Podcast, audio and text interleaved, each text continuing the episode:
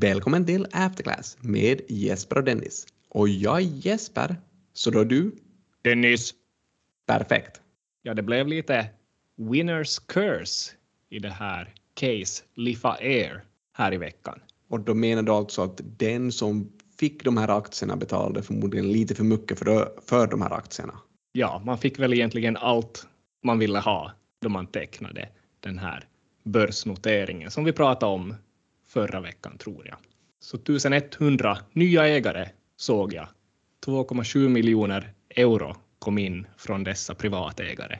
Känns det inte som de här siffrorna är ganska små i förhållande till vad Lifair förväntade sig? För var det inte ett bolag som ville ha in nästan 18 miljoner totalt via sin IPO? Jo, det fanns ju ankarinvesterare som måste lägga in 4,5 miljoner. Men utöver det då så kom det egentligen bara tillägg från institutioner på 400 000 euro. Så man nådde just och just, eller inte alls, men nästan 8 miljoner. Så det, det blev väl nog lite besvikelse där. Hur som helst, marknadsvärde med de här pengarna blir nästan 35 miljoner och handeln med den här Lifa Air-aktien ska inledas efter påsken. Men eh, lite gå tillbaka ändå så ska vi nog komma ihåg att det blev väl inte så här lite en besvikelse utan det här var väl nog en riktigt stor besvikelse.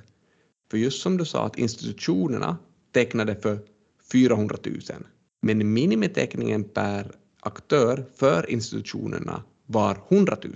Så det här betyder att det var bara en till fyra institutioner som kan ha tecknat aktier i Lifa. Ja, det är nog definitivt en begränsad mängd.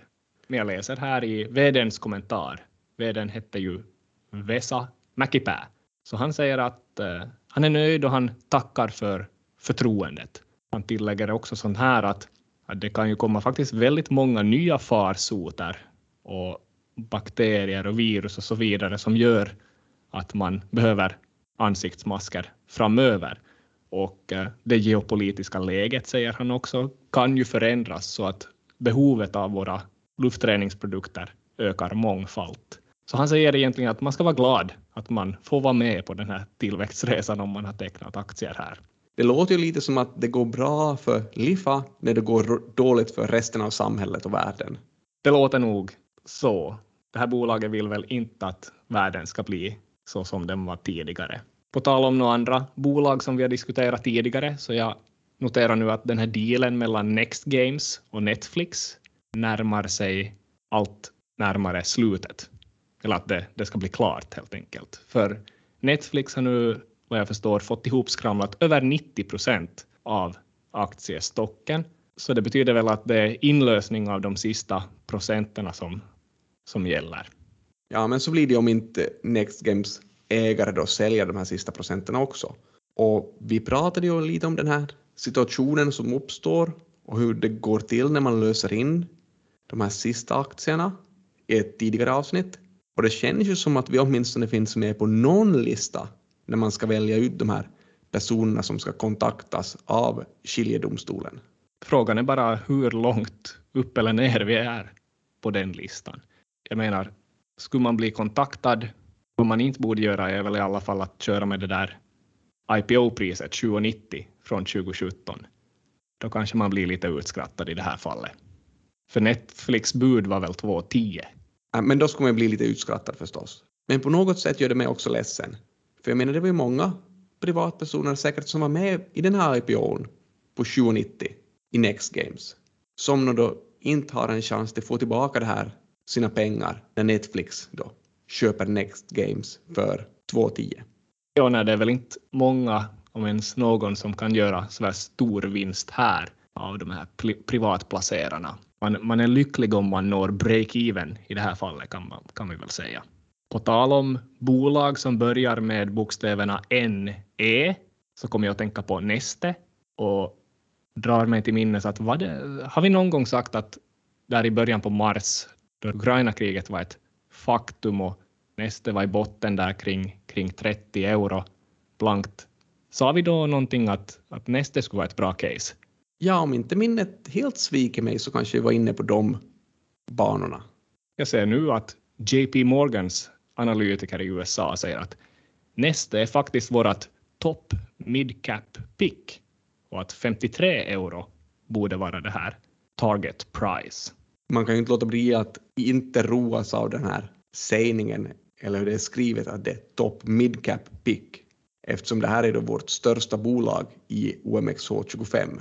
Men man ska väl komma ihåg att det kanske bara är på det här sättet att näste är en väldigt stor fisk i en väldigt liten damm. Och det kanske är bättre än att vara en liten fisk i en stor damm. Ja, men det här med amerikanernas syn på, på Neste har väl nog kommit fram tidigare också. Det var i samband med det här med, med Rysslands eh, exponeringen, eh, eller Rysslands problemet kom fram här, så sa det ju nästa att okej, okay, nu ska vi minska på det här och vi ska börja ett samarbete med Marathon Petroleum i USA. Och då sades det ju faktiskt också från amerikanskt håll att jo, Neste, de är ett sån här small refinery från Finland. Så det vittnar ju också lite om den här synen på oss och Neste. De sa ju ingenting om afterclass, måste vi påpeka. ja, men trots att man är liten så kan man ju göra rätta saker, som då afterclass, men också Neste, för att Neste är en av de här bolagen som har då tagit avstånd från Rysslands invasion av Ukraina och Neste köper inte heller längre någon olja från Ryssland. Och det är inte faktiskt alla bolag på OMXH25 som har tagit avstånd eller fördömt den här ryska invasionen. För om man tittar på data insamlat från Hankens studenter under ledning av Kaming så visar det att bara 16 av de här 25 OMXH-bolagen har aktivt fördömt Rysslands invasion. Det känns kanske lite lågt, men man ska komma ihåg att alla de här bolagen i OMXH25 hade inte så här mycket handel eller affärer med Ryssland eller ryska bolag. Jag vet inte exakt vart jag ville komma med det där, men slutsatsen är väl att Neste och AC är några av de goda. Fint initiativ där också av, av eh, Hankens studerande på, på den här kursen som jag antar att Kamming One har och håller i så får vi lite överblick och lite material att tugga igenom. Mycket bra. Men hur står då nästa till i relation till den här riktkursen 53 euro? Ja, det fick nog ett, ett lyft här, här på sistone och nu är vi väl någonstans i mitten mellan 40 och 50, så uppåt går det i alla fall. Så kanske några börjar vara break-even med sina nästa investeringar nu. Och var det inte så att vi tidigare också pratade om att Neste skulle få en ny VD och vi slog ju ett slag för Elisa Markkula. Jo, men så blev det ju inte alls. Man tog en man och man tog honom ur de egna leden. Matti Lehmus heter den kommande vdn efter Peter Vanacker. Så det blir säkert bra och stabilt för näste. Måste vi fundera på några räntor då? Ja, det har väl varit alldeles för tyst om Euribor-räntorna. Och det har väl varit alldeles för tyst om det här faktumet att Euriborräntan, 12 månaders, nu är positiv för den första gången sedan 5 februari 2016. Det, det är den där sägningen remember, remember the 5th of February 2016. det var väl nästan, det var väl nästan så det gick. Men där var det ju också att man ville tysta ner någonting i den filmen.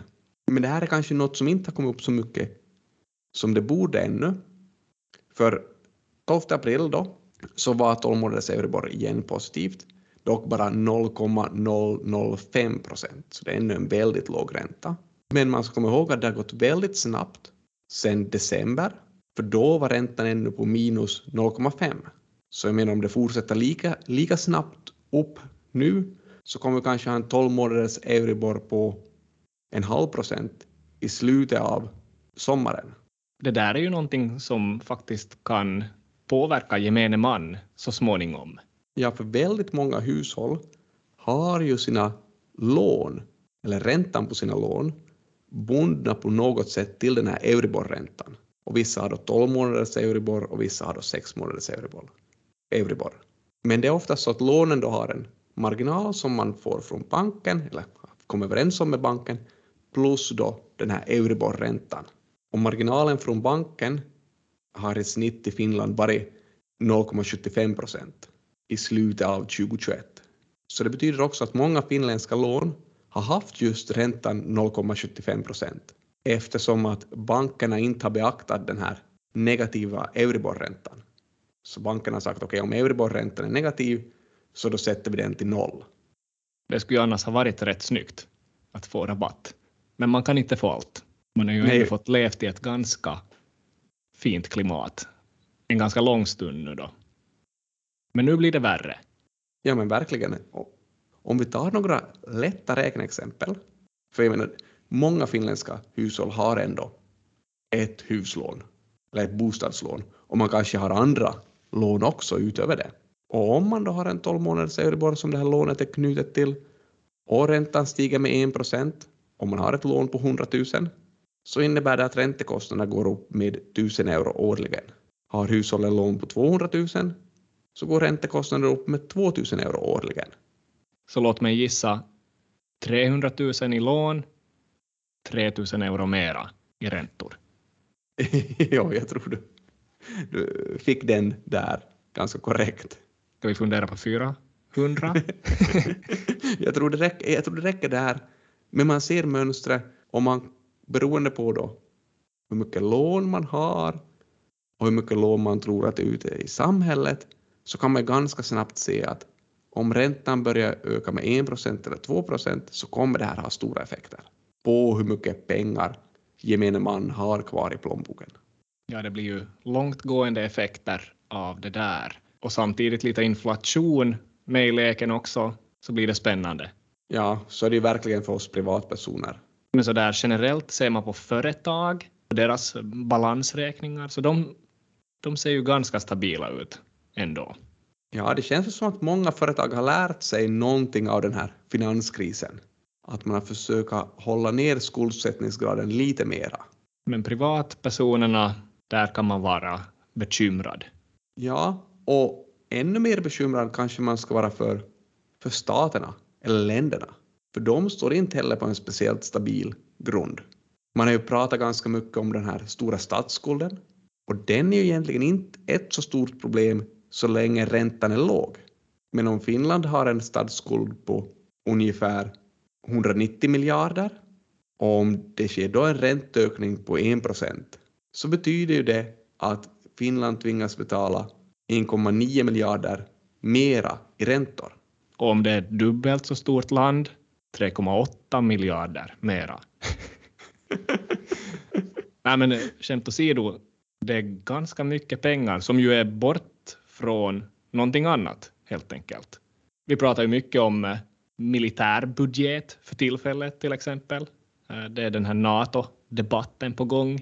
Jag kollar att militärbudgeten för Finlands del just nu 6 miljarder och eh, vid en eventuell NATO-pakt skulle det kanske ökas något också.